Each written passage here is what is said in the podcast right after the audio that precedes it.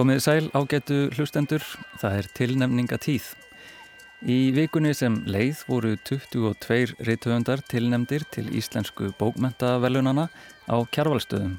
En ekki nómið það, heldur var í vikunni einnig tilnemt til fjöru velunana, bókmentaveluna Kvenna. Það var aðteglisvert að fylgjast með fjölbreytileika þeirra verka sem tilnemt voru og við hér í orðum bækur óskum tilnemningar höfum innilega til hamingjum.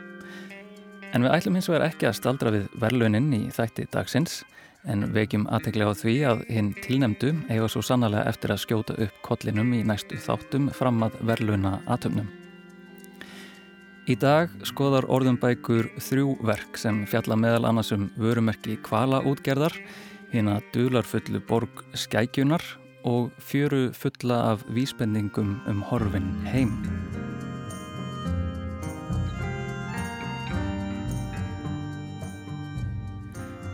Skáldið Brynja Hjálmsdóttir heimsækir þáttinn og ræður um ljóðabókina Kona lítur við sem kom út í oktober hjá Unu útgáfuhúsi.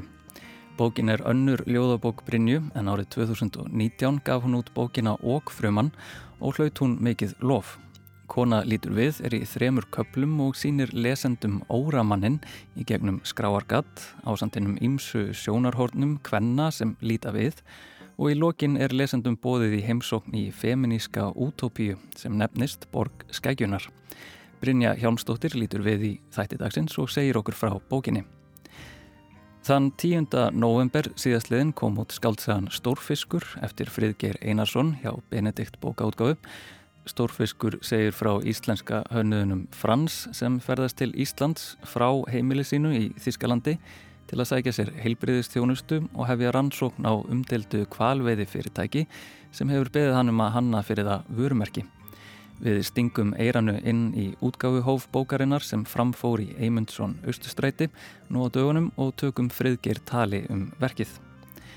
Og rítöfundurinn Adalstein Emil Adalsteinsson kíkir einnig í heimsókn til okkar og segir okkur frá smásagna safninu Svefngarðurinn sem kom út hjá Dimmu í haust.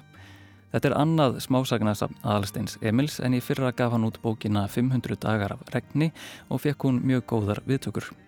Í Svenngarðinum má finna fjölbreyttar sögur sem eiga það flestar sameigilegt að hverfast um ónemt þorp á Íslandi þar sem finna má fjöru sem nefnist Emmitt Svenngarðurinn. En við byrjum í Eymundsson í Östustræði. Uh, gott kvöld eða sitt komið sæl, halló. Uh, ég heiti Frigir, ég er uh, höfundu bókarinnar Stórfiskur. Uh, takk fyrir að hætta á að koma hérna í, í þessari margtröð sem líf okkar er orðið. Gott að sjá ykkur og ég sýnist þetta ekki verið neitt svona superspreader event en, en við skulum samt fara varlega og, og hérna minna á sóttvarnir. Ég ætla að lesa hérna aðeins úr bókinni Stórfiskur sem er mín uh, önnur skaldsaga og eftir uh, get ég króta líka framann í bækurnar ef einhver vill það. E, þá sit ég hérna við þetta borð og, og þið getur komið og spurt mig hvort ég vilji það e, og ég mun segja já. Í Reykjavíkurhöfn mara tveir kvalaskoðunabátar við kæjan. Annar er rauður, hinn blár. Upp á landi standa jáfnfram tveir skúrar, eitt rauður en annar blár. Samkvæmt merkingum utan á húsunum þarf maður að fara inn til að kaupa miða um borði í skipin. Húsin standa hlið við hlið með fáinna metra bíl á milli sín. Ekki er hægt að skilja litanótkunum öðruvísi en að skipin séu gerð út hvort af sínu fyrirtækinu. Að rauður sé notaðu til að auðkynna annað fyrirtækið en blár hitt. Ég staðnamist við rauðaskúrin og virði fyrir mér litprenta spjald með myndum af kvölum og texta sem með, er prentaður með ofsmáu letri til að einan að lesa. Með stærra, stærri stafagerð stendur þó skrifað að skip þessa fyrirtækis leggjur höfn klukkan 13.00. Ég vappa yfir að bláa kofanum, þar fyrir utan er frístandandi skildi með samskonar ásendingu. Það er að segja að klukkan 13.00 leggi bláa skipið úr höfn. Utan á hvoru húsi fyrir sig er verðskrá en fyrir utan bakgrunnslit og tilbreyði í orðalagi eru það nákvæmlega eins.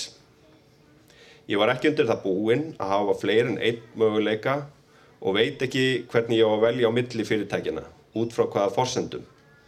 Í hönnunafræðunum, eða minnstakosti einhverjum hönnunafræðum, þar sem því eru gerðir skórnir að hver viðtakandi myndi sérstækt tilfinningarsamband við tiltekna liti, frekar en aðra, út frá erkiptípiskri grundgerð mannsálarinnar, á rauður að kalla fram hugrenningar við kraft, ástríðu og ást, en blára á að takna tröst, tryggð, stöðuleika og visku. Í fljótu bræði er ekki hægt að dæmum hvort hafa ber í huga við val á kvalaskoðunarferð. Nýje heldur hvort tillit hafi verið tekið til kenninga um liti og tilfinningar þegar ásýnd þessar tveggja fyrirtækja var hönnuð. Það er eitthvað forvitna að vita eftir uh, þennan lestur. Uh, hefur þú farið í kvalaskoðun? Uh, ég hef gert það, já. já. Ég, það var svona eitt af því sem ég tók mig fyrir hendur í rannsókninni. Þannig að þegar ég var að, í hugmyndavinnu fyrir bókina þá fór ég í kvalaskoðun og, og, og var vist frekar heppin með hérna, það sem sást.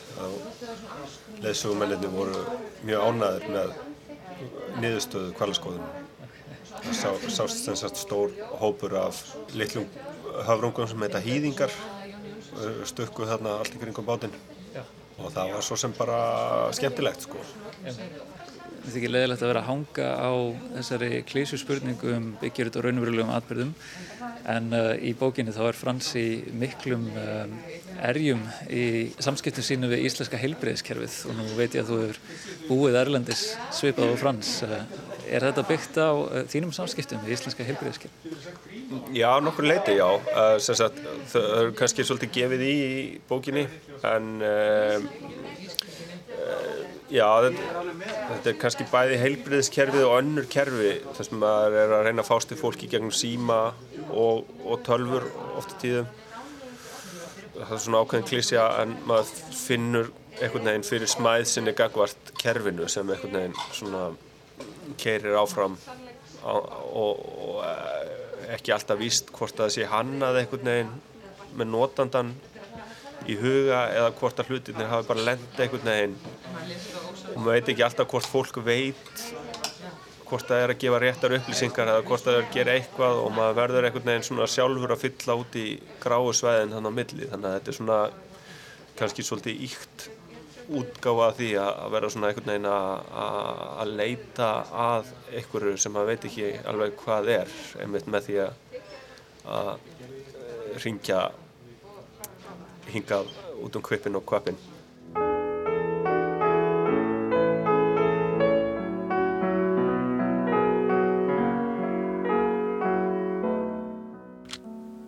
Erstu til í að segja mér eitthvað í hljóðneimann? Já, 1, 2, 1, 2, halló, halló, halló, halló, 1, 2, 1, 2, 1, 2, 1, 2.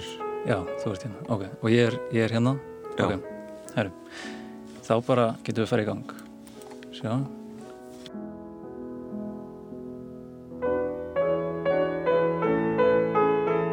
Fridgir Einarsson, velkomin í hljóðstofu. Takk. Mér langaði að spyrja það aðeins frekar út í þessa bók uh, eins og minnist á þarna í útgáðu hóina þá fjallar hún að miklu leiti um rannsóknarleðungur Frans til Íslands frá Þýskalandi. Hann ferðast burt frá Rafaelu konu sinni og Mónu dóttur sinni til að hanna logo fyrir kvalveði fyrirtæki en einnig til að leita sér lækninga hér heima við meini sem herjar á hann. Ég fæ kannski að spyrja fyrst uh, hvað er að sjá Frans í þessari bók? Já, uh, hann sagt finnur, uh, kennir sér meins fyrst í höndunum eða fingurunum mm. og sem aftar hann frá vinnu þannig að er hönnuður og teiknari og, og notast við hendurnar í, í vinnunni eins og gerir áð fyrir að eigi við um flest fólk. En síðan fer sagt, meinið fer að hrjá hann á, á fleiri vegu eila bæði tegir þessu upp eftir höndunum og, og, og fer svona að yfirtaka líkamann en líka bara fer að yfirtaka einhvern veginn alla hans tilveru og, og verða, verða ánum svona hindrun mm -hmm. í lífi og starfi Einmitt. En uh, hann tekur þessu starfi sínu sem hönnur mjög alvarlega og það kemur honum til að mynda í klandur á þeirri auðlýsingarstofu sem hann starfið á áður að hann gæti ekki alveg verið sammála fórsendum kuna sinna en uh, þessi metnar fyrir hönnun gerur hann að eins konar kannski svona rannsóknar manni kvestasleikans mm -hmm.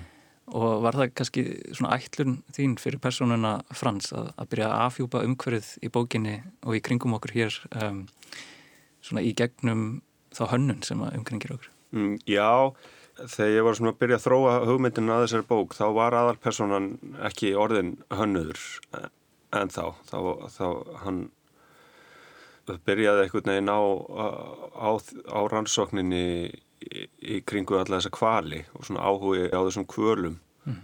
sem eru þannig lengst út í sjó eitthvað staðar að gera eitthvað sem engin veit hvað er og engin skilur en eru samt einhvern veginn svona tengjast okkur mörgum finnst kvalir tengjast sér einhverjum böndum og vera svona skild dýr síðan þegar e, svona hugmyndin fættist að hann væri hönnuður þá fór hann og var það óhjákomilegt að hann færi svona að skoða umhverfið sitt með, þeim glerugum, með glerugum hönnuðanis og, og það fannst mér mjög áhugavert að svona hvað, hvernig personar sá þá heiminn og, og hérna og, og líka bara hvernig hann sá svona ferla sem uh, fólk gerir sér ekki endilega grein fyrir að séu hannaður eins og þarna sem við rættum í útgáfubóðinni þessi allar þessi allar þessar gerðir sem hann þarf að fara í gegnum til að fá heilbriðistjónustu og, og hérna bara allt sem hann verður að, þarf að gera verður einhvern veginn svona spurningu um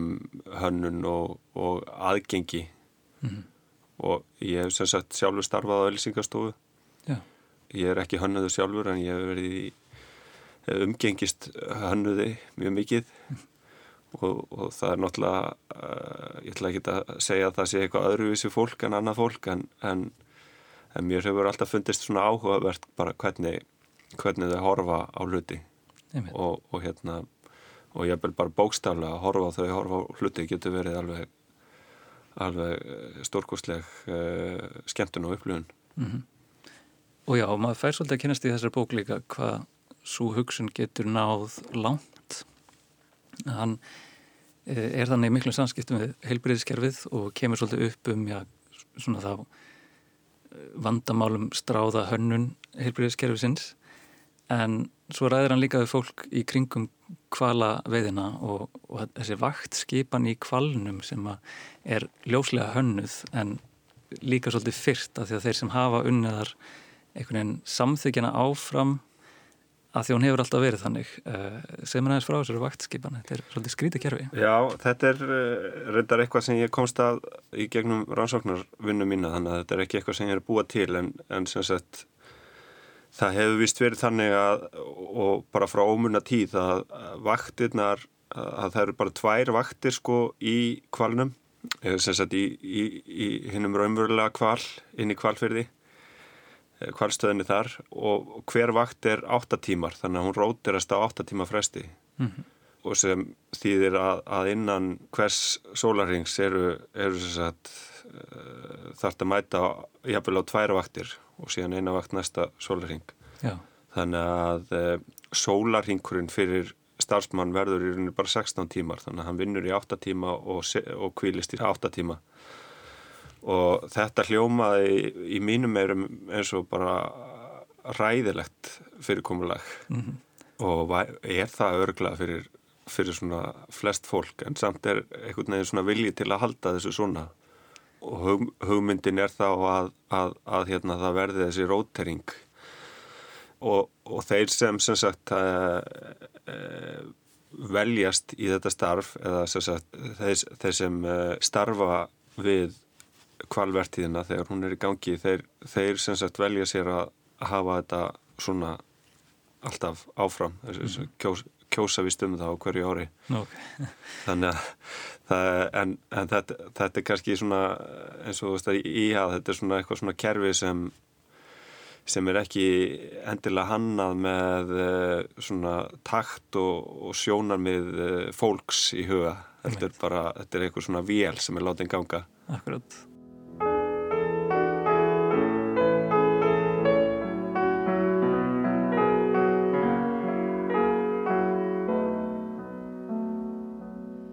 En uh, kvalveðar eru nú eitt af svona stóru málum þessari bókar og, en afstæða kannski bókarinnar er svona frekar skemmtileg að segja um mikið en eftir þína rannsóknarvinni á, á kvölum og, og kvalveðum um, þá langar mig að spyrja bara hvar stendur þú í umræðinu? Já, sko mm, góð spurning, ég er náttúrulega kem kannski úr þannig umhverfi að, að hérna flestir sem, eh, sem ég umgengð myndu segja bara stöðum kvalveðar strax. Kvalir eru dýr í útrymingahættu og, og hérna ímynd þjóðarinnar veldur á því að hér sé hérna farið vel með umhverfi og, og hérna og heimurinn vill að við stöðum kvalveðar ég sko ég ætla ekki að segja að ég sé ekki búin að mynda með skoðun en ég ætla kannski einhvern veginn að, að fá að vera áfram svona tiltölega hlutlaus. Ég er ekki sko endilega vissum að, að það sé hafið yfir allt afstæði að, að, kvalir séu sko eitthvað svona tengdir okkur eins og ég var að segja á þann eða þú veist að kvalir séu séu meiri vitsmunaskeppnur en einhverja aðra skeppnur og ég svona og eftir að hafa kynnt mér svona uh, þess að þær kvalveðar sem eru stundar í dag þá þá er ég ekki vissum að þetta sé alveg jafn siðlaust og, og svona uh, margir vilja láta í veðri vaka. En ég held að miklu stærri spurning sé bara sko hvað þú veist svona afstæð okkar gagvart náttúrunni. Já og, og hérna hvernig maðurinn bæði við, við, við sem samfélag og, og, og maðurinn bara í, yfir höfuð hefur einhvern veginn svona tamið sér þann hugsunarhátt að hann, hans sjónamið sé það eina sem um, ræður því hvað við gerum mm. og hérna og kvalveðar er náttúrulega bara enn eitt dæmið um hvernig við hérna um, ákveðum að, að hérna fara með vald okkar og hérna vitsmunni þú veist, það mætti alveg færa rauk fyrir því að við ættum heldur ekki við ættum, við ættum bara ekki borða neitt kjött það er í rauninni e, þó ég sé enþá kjöttætta þá held ég að það sé sko eina raunhafa lausnin fyrir mannkynni í framtíðin að hætta bara alveg að borða kjött og, og finna aðra leð til að hérna komast af. Er, og, og, og þá er spurning bara hvernig við hvernig okkur líður gagvart tilfinningum dýra og gagvart lífrikinu öllu. Bara hvað, þú veist hvað hva virði hvert líf hefur í rauninni, finnst mér miklu stærri spurning en, en bara með kvali en mér finnst samt sko lík, alveg líka forvittnilegt og, og ég er ekki einu svona búin að koma að staði bara akkur í ósköpunum er þessu haldið áfram? Akkur, þú veist, er kvalviðanum haldið áfram, það er svona mjög óljóst hvert kjötið er selt og, og hvort hvar og hvort ekkur kaupir það það er einhverja hrista hausinn sem er að hlusta núna en það er samt svona margt á höldum það og eigandi útgerðarnar um, stórkvöla útgerðarnar sem er reygin í dag er auðvugum aður sem, sem, sem sagt, hann þarf ekkit á þessum tekjustofna að halda og, og, og ljóst hvort hann græði nokkur pening á því yfir höfuð. Mm. þannig að það er í sjálfu sér mjög forvittnilegt Já, en uh, ég ætla ekki að hafa lengra í bíli Friðger Einarsson, takk ég alveg fyrir að koma í Orðinbækur Takk kærlega fyrir.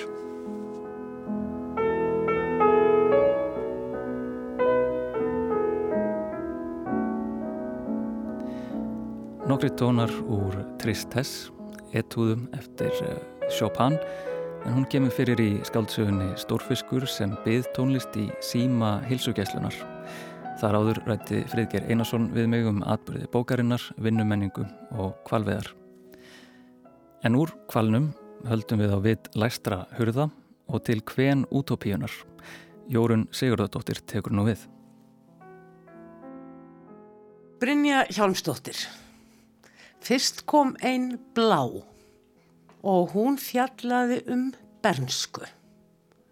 Nú kemur einn blóðröð, háröð og ég fór að reyna að hugsa stöðlað og hún fjallar um rú, rú, rú, raunveruleika þegar maður er komin út úr allir þessari bensku og allir þessum skrítnu hlutum sem eru bæði áheit en líka vekja manni óta en það er þessi barslegi ótti sem maður getur umgengist svona í vissum leik en uh, þetta er bara hardcore. Þetta er bara lífið. Fjandinn sjálfur, svona áttu þetta þá eftir að verða. Er eitthvað til í þessu? Kanski já, kannski nei. Eða svona, ég, ég get alveg gengst við, gengist við einhverju allavega, hugsa ég. Sko bókin gæti aldrei orðin eitt annað en rauð, eða sérst kápabókarnar. Mm. Innblöðun eru líka rauð Já. og uh, síðurnar eru sko uh, skínandi hvítar. Já, hún er rauð og hún er hvít. Þetta er eitthvað svona sem að mér finnst vera svona alltaf síkilt, svona kvenna, eitthvað, svona kvenna skáldskapar uh, lita palletta og eitthvað svona grafík sem að, svolítið svona 70s uh, klassíst lúk sem að við vorum alltaf mikið að stefna á. Ég og hann nöðrum minn og erum rosalega ána með niðurstöðuna.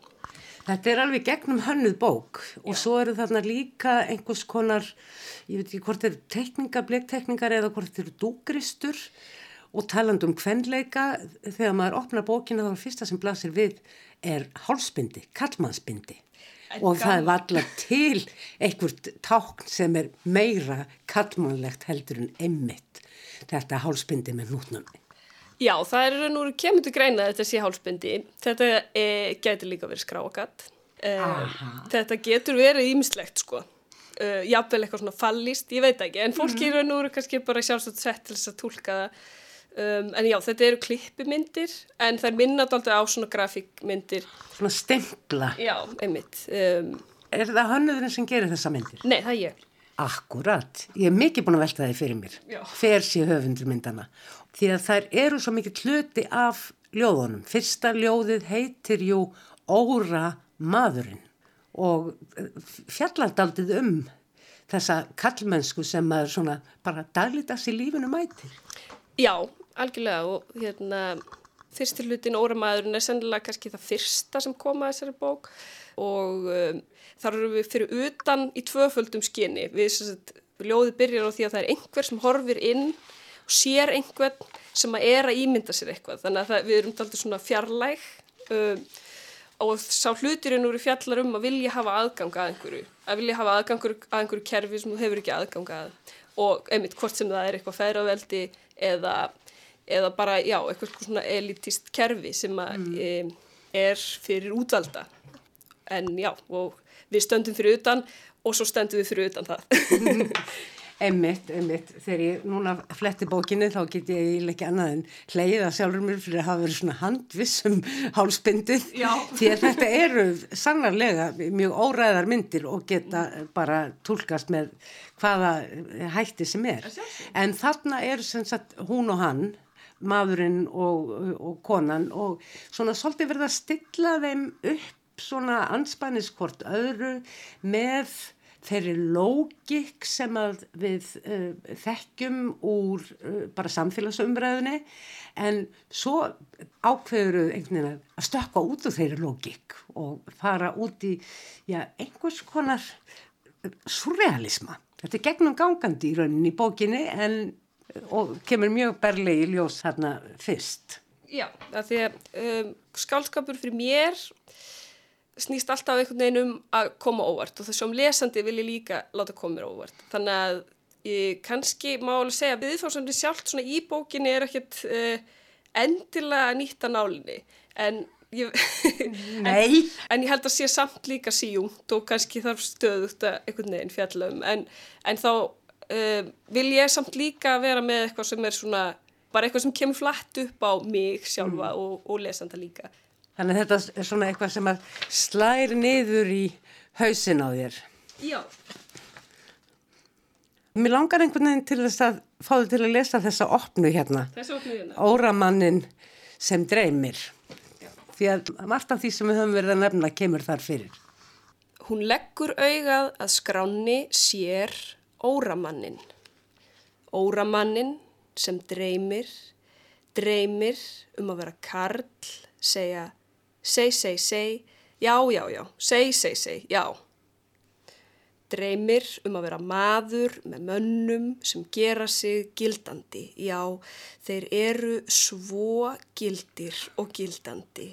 Ó, og hann reynir að kæfa fríðar stunutnar í fæðingu, stunutnar sem þrýstast fram við tilhugsununa um þjætt og ákveðið handaband, um eilíft líf í líkneski af sjálfum sér, um að leggja vilja sinn í brjóst þess sem sér andlitans utan á strætisvagni.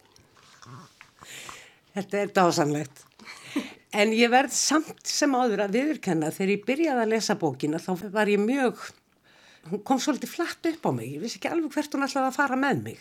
Kanski vegna þessarar dramatísku uh, byrjunar eða, eða svona uh, löngu tilvillunar í ofnbörjunabókina.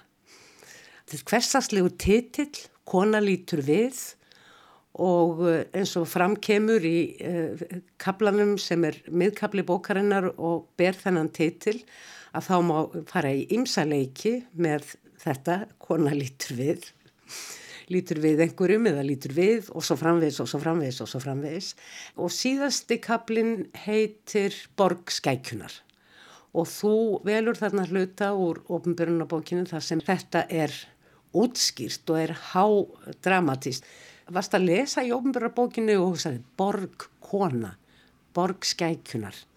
Var það kveikjan af þessum kabla?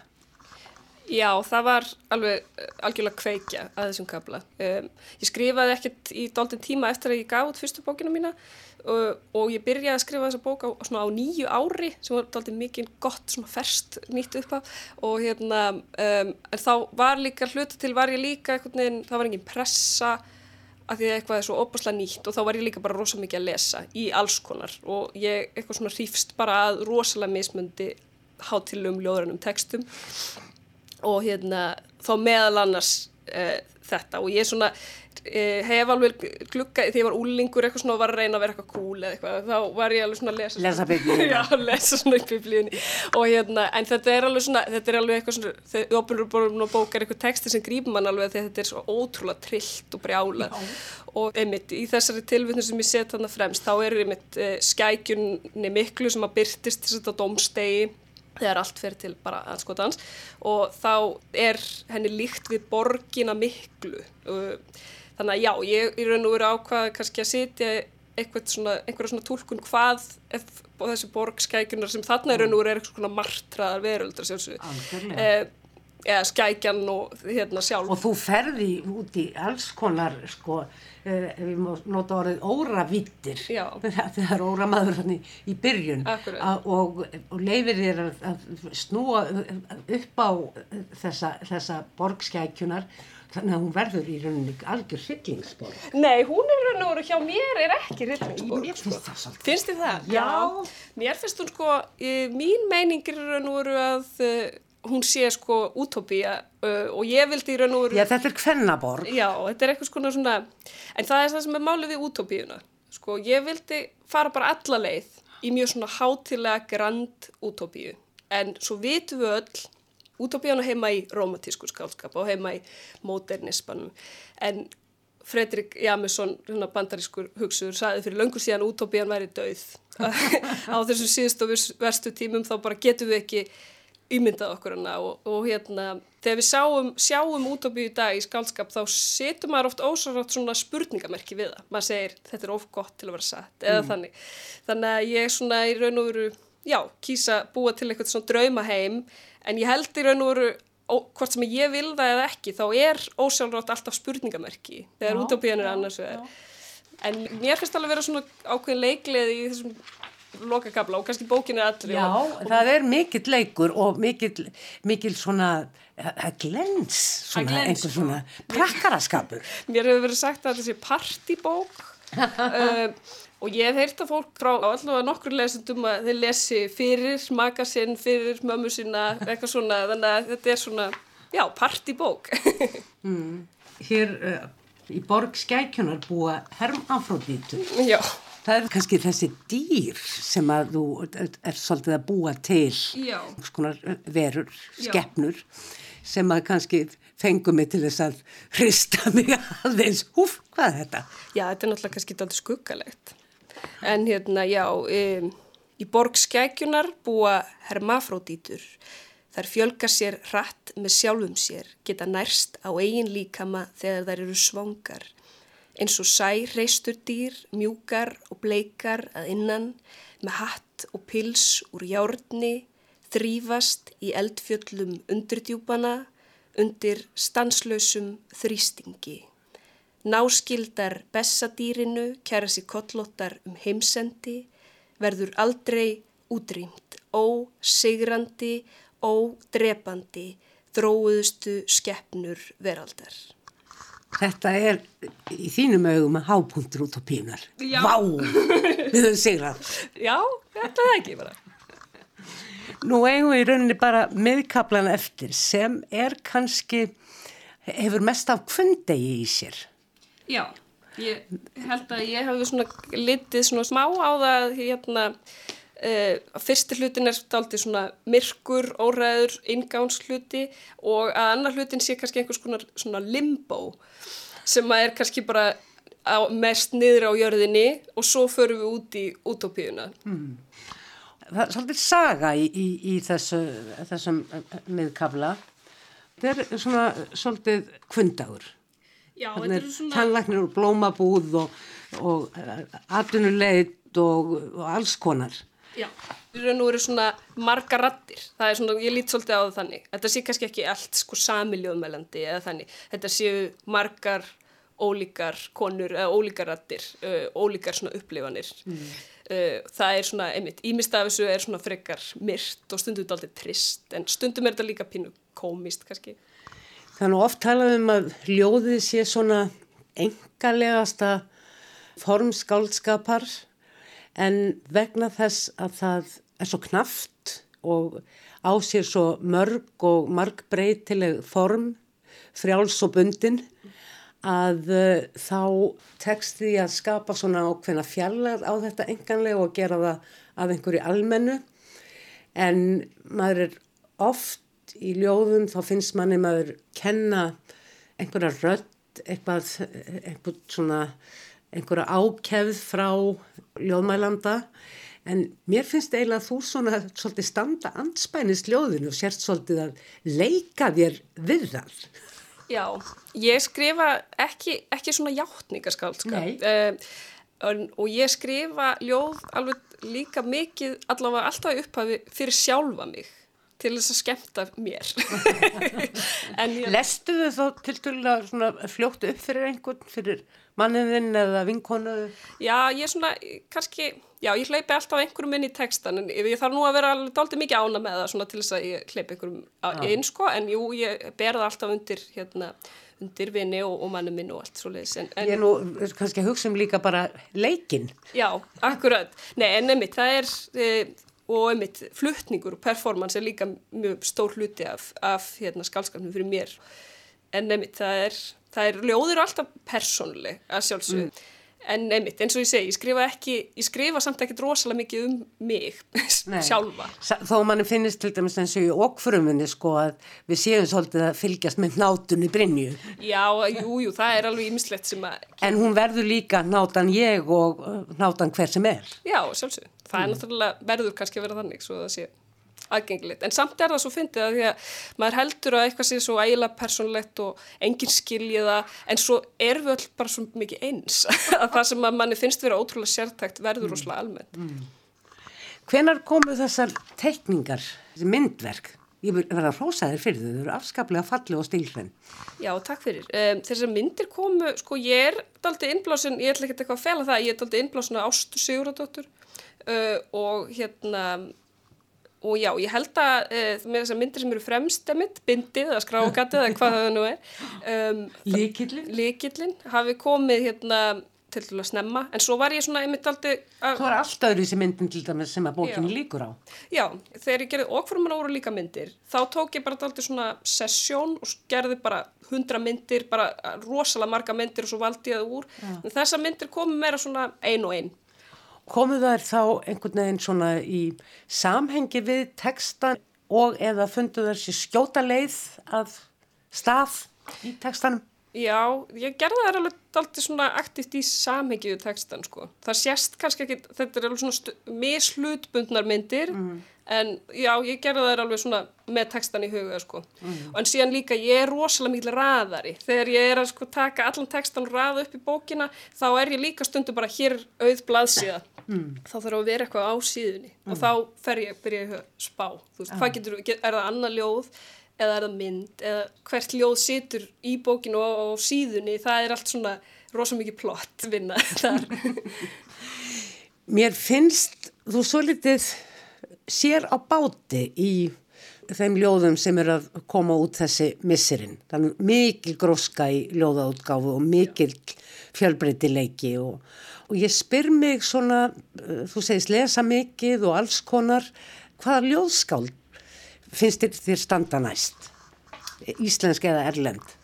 Um, það er góð spurning sko. Ég er nú alltaf uh, mjög hrifin af uh, Kristínu Eiristóttur, svona af íslensku skálskap og Steinu Sigurðardóttur. En síðan hef ég líka einmitt uh, reynd að lesa erlendan skálskap líka. Um, ég má nú til með að ég var, var að lesa eina norska bók, rökklulega góða sem heitir Ég vil vakna til verden Uh, sem vil vakna til heimsins eða veraldarinnar. Já, ég bara svona, einmitt, ég tengdi gríðalega mikið við þá bók uh, Er þetta eftir unga konu? Þetta er eftir unga konu, komið 2020 Karolina Brandjórn heitur hún það er nú bara það svona nýjast listur í niður að þegar það er svo nýlega. En síðan hef ég verið að lesa einmitt eh, Vislava Simborska frá mm. Pólandi þau ekki mér afskaplega skemmtilegt skáld sem líka einmitt vinnur svona daldi mikið með einmitt svona, svona gáska sko, svona fjör. Já. sérstaklega kannski svona þegar hún er búin að gefa út daldi, eða þegar hún orðin daldi svona komin búin að finna sína fætur eitthvað neginn þá er hún hérna, já það er svo gaman að lesa ég veit ekki, ég geti talið upp ímislegt sko og ofta nú bara uppáhalds akkurat það ljóð sem að er að tala til manns á þeirri stundu. Já, sjálfsög, það er alltaf þannig. Hérna, við verðum nú eiginlega að fá eitt eða tvö ljóð úr konalítur við þeim kabla. Þú ætla að lifa þér að velja. Lindýr. Kona æðir út í garð. Rótar og rótar og rótar í jörðinni snýr við steinum og löfblöðum, gömlu pallaefni og plastpókum til að finna þá. Sniglana sem hún rekur á hól með silfurgafli. Sapnar í lítið skrín til að færa honum, lækninum, sem leggur huggandi orð í munna og ryggleysingja í hilki, spröytar þeim í varir svo þeir megi fyllast og blása út, svo þeir megi minna á tvo digra snigla í ástríku famlegi. Brynni Hjálmstóttir, kæra þakkir fyrir listaverkið Kona lítur við, því að þetta er mjög heildstæður greipur, orða og mynda og uh, í rauninni kultúr líka. Einnilega þakkir og gangið vel. Bestu þakkir, Jórun. Ég veit þú kemur í kvöld til mín Þó hverjan væri stutt í gæ Nú dögunum kom út bókin Svefngarðurinn eftir Aðalstein Emil Aðalsteinsson Sveitgarðurinn er smásagnasafn þar sem sögurnar eru ólíkar en tengjast innbyrðis. Verkið byrjar í upphafi 20. aldar þar sem lesendur fylgja flutningi ljósmyndarans meivand til ónemnds Þorps en síðan vinna sögur bókarinnar sig í gegnum 20. öldina og fram í þá næstu og enda í hugsanlegri framtíð þar sem verksummerkjum mannsins skólar á landi í fjörunni Sveitgarðinum. Aðalstein Emil sendi frá sér smásagnasafnið 500 dagar af regni árið 2020 og hlauta nýrækta styrk miðstöðar íslenskra bókmynda það ár. Aðalstein kikti við í hljóðstofu hjá mér og ég fekk að spyrja hann út í verkið Svenngarðurinn. Mér lóka að byrja að spyrja þig kannski augljósu spurningarinnar. Eh, hvað er Svenngarðurinn? Já, Svenngarðurinn er alls konar sko. Svenngarðurinn er bók til dæmis eftir mig en í bókinni er það eiginlega svona minnið sem svona, eða hvað maður að segja, þráðurinn sem er einhver söguna áfram. Ég sá fyrir mér þegar ég var að skrifa hana lítið svona litla fjöru í, í afskektu þorpi uh, sem heitir einhverju hluta vegna svefngarðurinn. Kannski út að einhver, ein persóna í bókinni sest niður og fer að sofa í þessari fjöru eftir loftárós, sess leggst niður í gíin og sopnar. En ég veit það ekki, svefngarðurinn. Getum alla svaraði sjálfur, sko. Nei, þetta er einhver tilfinning kannski. Já, þetta er einhver tilfinning, sko. Já. Og bókin hverfust svolítið um já, svefgarðin en líka þorpið uh, það sem svefgarðurinn er og ég var þessi típiski Íslendingur þegar ég las bókina alltaf að reyna að staðsetja það. Já. Ég var komin til vestfjörða og svo til austfjörða. Um, Mhm. Ertu með eitthvað ákveðið þorp í huga þegar þú skrifar þetta? Já, það var einmitt svolítið, sko, svolítið leik við mig. Ég, ég alveg með nokkur þorp í huga. Að kannski augljósasta er seðisfjörður í einni bókinni, nei, einni sögunni segi, það var einmitt um þessu loftarós. Ég byggi það náttúrulega raunverulegum atbyrjum sem gerust á seðisfjörði.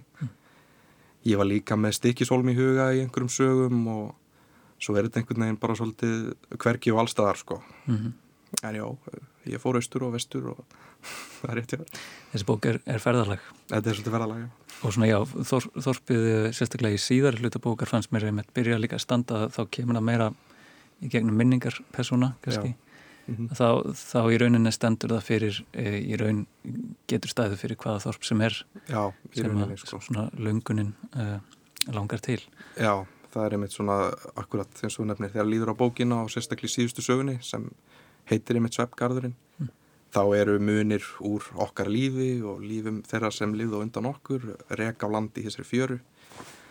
Alls konar munir uh, kjarnorkutunnur og gömul koffort og ég veit ekki hvað hvað þannig að já, þa þar kemur tákgrænan kannski svolítið inn þannig í lokin.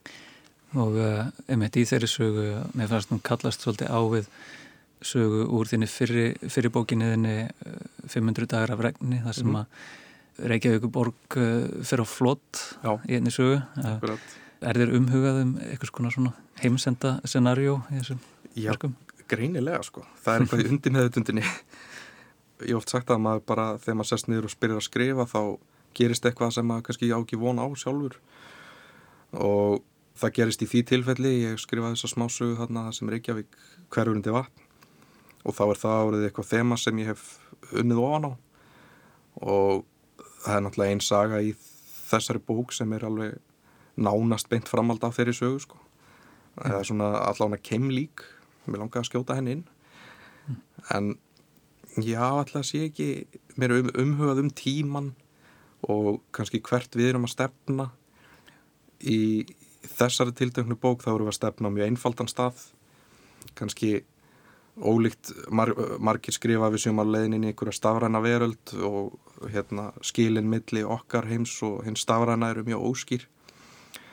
En allavega í þessari bók þá erum við svolítið á leiðinni aftur til fortíðar það er svona eins og það hafi orðið eitthvað skonar hvað segir maður eitthvað flóð, eitthvað, sem, eitthvað hreinsandi. Og já, minnið og, og einmitt fortíðin eru, eru fyrirferða mikil í bókinni en það er kannski annað þema sem að ég tók líka eftir og var svona dauðin hann Já. leikur mjög stórt hlutverk í, í safninu og svona vomir kannski yfir personunum svolítið eins og, eins og Gunnar sem að fyrir með sveptöflur í, í bað og, og Meivand sem er að reyna ljósmynda lík og, og Elisa sem að rétt sleppur undan döðunum þegar að sprengja fellur úr heimninum Akkurat. og, svona döðin verðist að einhver leiti binda svolítið saman verkið og, Mhm. Og ég fór svona velta fyrir mér líka sko að því sveppgarðurinn verðist hafa eitthvað svona aðdráttarafl fyrir personunar sko.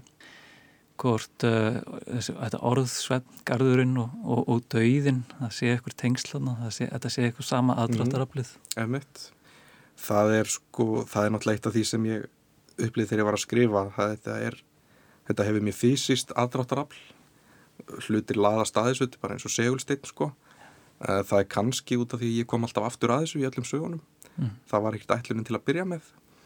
Eh, þetta tengdi sögurnar saman einhvern veginn svona þa þar fann ég aðdráttaraflið. Og já, þá kannski emitt líka í gegnum þetta þema sem er dauðin skilin millir lífs og dauða eru kannski svolítið óskýr í þessu í þessari bók. Og ég held að það ég líka við um fyrir bókina 500 dagar regni það er eitthvað þá sem mér er sennilega hugleikið en hérna, það er svolítið erfitt að já, það er svolítið erfitt að setjast niður og byrja að ætla að skrifa eitthvað og ákveða með sjálfum sér þetta er þema sem ég ætla að vinna með eða ég ætla að vinna með þetta minni eða, eða hvernig sem það er, það er einhvern veginn það verist koma svolítið bara náttúrulega já, eins og þessi tilfelli dauðin, tímin vatnið tímin og vatnið, næ, já bara Já, og, og, og sögunar í bókina þar, um, einmitt, þar eru mikið í fortíðinni, það er mikið litið til fortíðar en líka í nútímanum. Mhm. Við erum hana í, í byrjun 20. öldar, við erum með miðja 20. öld 1968 nákvæmlega Mhm. og, og síðan svona í kannski þessum nútímanlegri kvestasleika. Um, ertu að hérna, eða miklum tíma í, í rannsóknir fyrir þessar eldri sögur til dæmis? Já, talsvert sko ég, hérna, það er eiginlega óumflýjanlegt Já. og ég, fyrstulega hef ég svo gaman að því sko maður er bara lestrahestur og les alveg svo brálæðingur og, og svo er maður inn á tímarit.is að finna gamlar frásagnir og gluggi í gamlu bókum og þá poppar alltaf eitthvað upp. Mhm. maður fær þá alltaf eitthvað söguefni í hendunar sem maður getur unni með. Eins og til dæmis eh, í fyrstu sögunni þar sem drengurinn druknar og fóstufæðir hans ber hann heim í hús og deyr sjálfur úr harmi. Það er saga sem ég fann bara í, í, í einhverju eldgömlu tímariti. Það, það sem gerist í alvörunni. Eins og ótrúlegt að það hljómar og, og ekki hann kom og, og fann þá báða dána í, hérna á, á dyraþreipunum hjá sér. Þannig, jú, ég eði talsett miklu tíma í lestur og rannsóknar vinnu sko. Mm. það sé bara sagfræði nördin í mér einhvern veginn líka sem sem hérna, sem hefur gaman að því. Erstu með eitthvað sérstakar uh, heimildir eða bækur sem þú myndir mæla með fyrir uh, sögulega höfunda? Já, góð spurning. Já, náttúrulega þetta ég mæla alltaf með öldin okkar. Það er náttúrulega bara gullkista af alls konar. Maður getur fundið lítinn bút þar og svo farið að kanna hérna, farið dýpri í sauman á því farið á tímarit.is eða reynda að finna einhverja frásagnir af því sko. Mm. ég, Já, öldin okkar á tímarit.is er algjör snild. Það eru góður, góður liklar í Já, er- skaldskap. einmitt, ekki spurning. Um, ég tók eftir því hérna í lok bókarinnar er uh, sérstakur kapli sem nefnist Þakkir Mhm. og uh, þú færi sérstakar þakkir uh, til konuna þinnar, uh, Dagnýjar Margreðar Gunnarsdóttur Já. uh, fyrir að uh, nenna hlusta á endalösa heim, heima uppleistra Já. á ókláruðum handritum síðastliðin ár. Akkurat Ertu mikið að lesa upp heimaðið? Mm, já, svona þetta hefur náttúrulega verið langt og stramt ferli frá því maður byrjaði sko. Ég held ég að við skrifað þrjár ef ekki fjórar bækur og prentað út sjálfur. Reynd að gefa þær út en þær voru mjög vondar sko, þannig að það gekk ekki upp. Og þá hefur kona mín þurft að hlusta á upplestra og, og jafnvel lesa þær og, og frjótandi þóli með því. Já. það er náttúrulega bara gulds í gildi sko. Maður hefur lendið því að ég ætlaði að lesa upp óklárað handrit fyrir hana. Og það var bara svo ríkalega vond sko. Og hún sagði það líka bara þetta er ekki gott. Og þannig ég þurfti að byrja upp á nýtt hún er svona leiðarljós í þessu sko Mm. þótt hún sé ekki endilega hérna, mikill bókmenta áhuga maður en Það er mikilvægt að fá, fá góða og, og slæma gaggrinni. já, ekki spurning, heiðarlega gaggrinni sko það er bara mjög mikilvægt En uh, þetta er annað smásagnarsamnið sem kemur út núna á tveimur árum. Mhm. Uh, 500 dagar að regni fekk uh, nýrættastyrk í, í fyrra og Já. svo er núna komið svefngarðurinn. Mhm. Uh, hvað er það við smásagnarformið sem heillar? Það er, að sé ekki bara þetta knappa form sem hérna heilla mig og að geta til dæmis í einni bók að ein bók getur rúma margar sögur og þær þurfi ekki að vera tengdar þótt ég hafi nú tengdar saman flestar í þessari. Ég held að Geriðir Eliasson hafi haft mikil áhrif þarna og hérna drakk hans bækur í mig sérstaklega smásögurnar milli trjána ég hef lesið hana, ég veit ekki hvað oft. Já. finn alltaf eitthvað nýtt. Anton Tjerkov líka rúsneski hefur haft mikil áhrif þannig að þetta var eitthvað form sem ég bara byrjaði að rækta fyrir einhverjum árum og, og uppskeran er þessar tvær bækur sko Mm. og hérna það er nokkuð gott Já, mér langar bara að segja til hafmyggju með uh, svefngarðin. Takk ég lega fyrir það En ég held að við höfum það ekki lengra að sinni. Uh, kannski eitt á lókum. Já. Uh, mætti ég plata það til þess að lesa upp úr bókinni? Já, ekki málið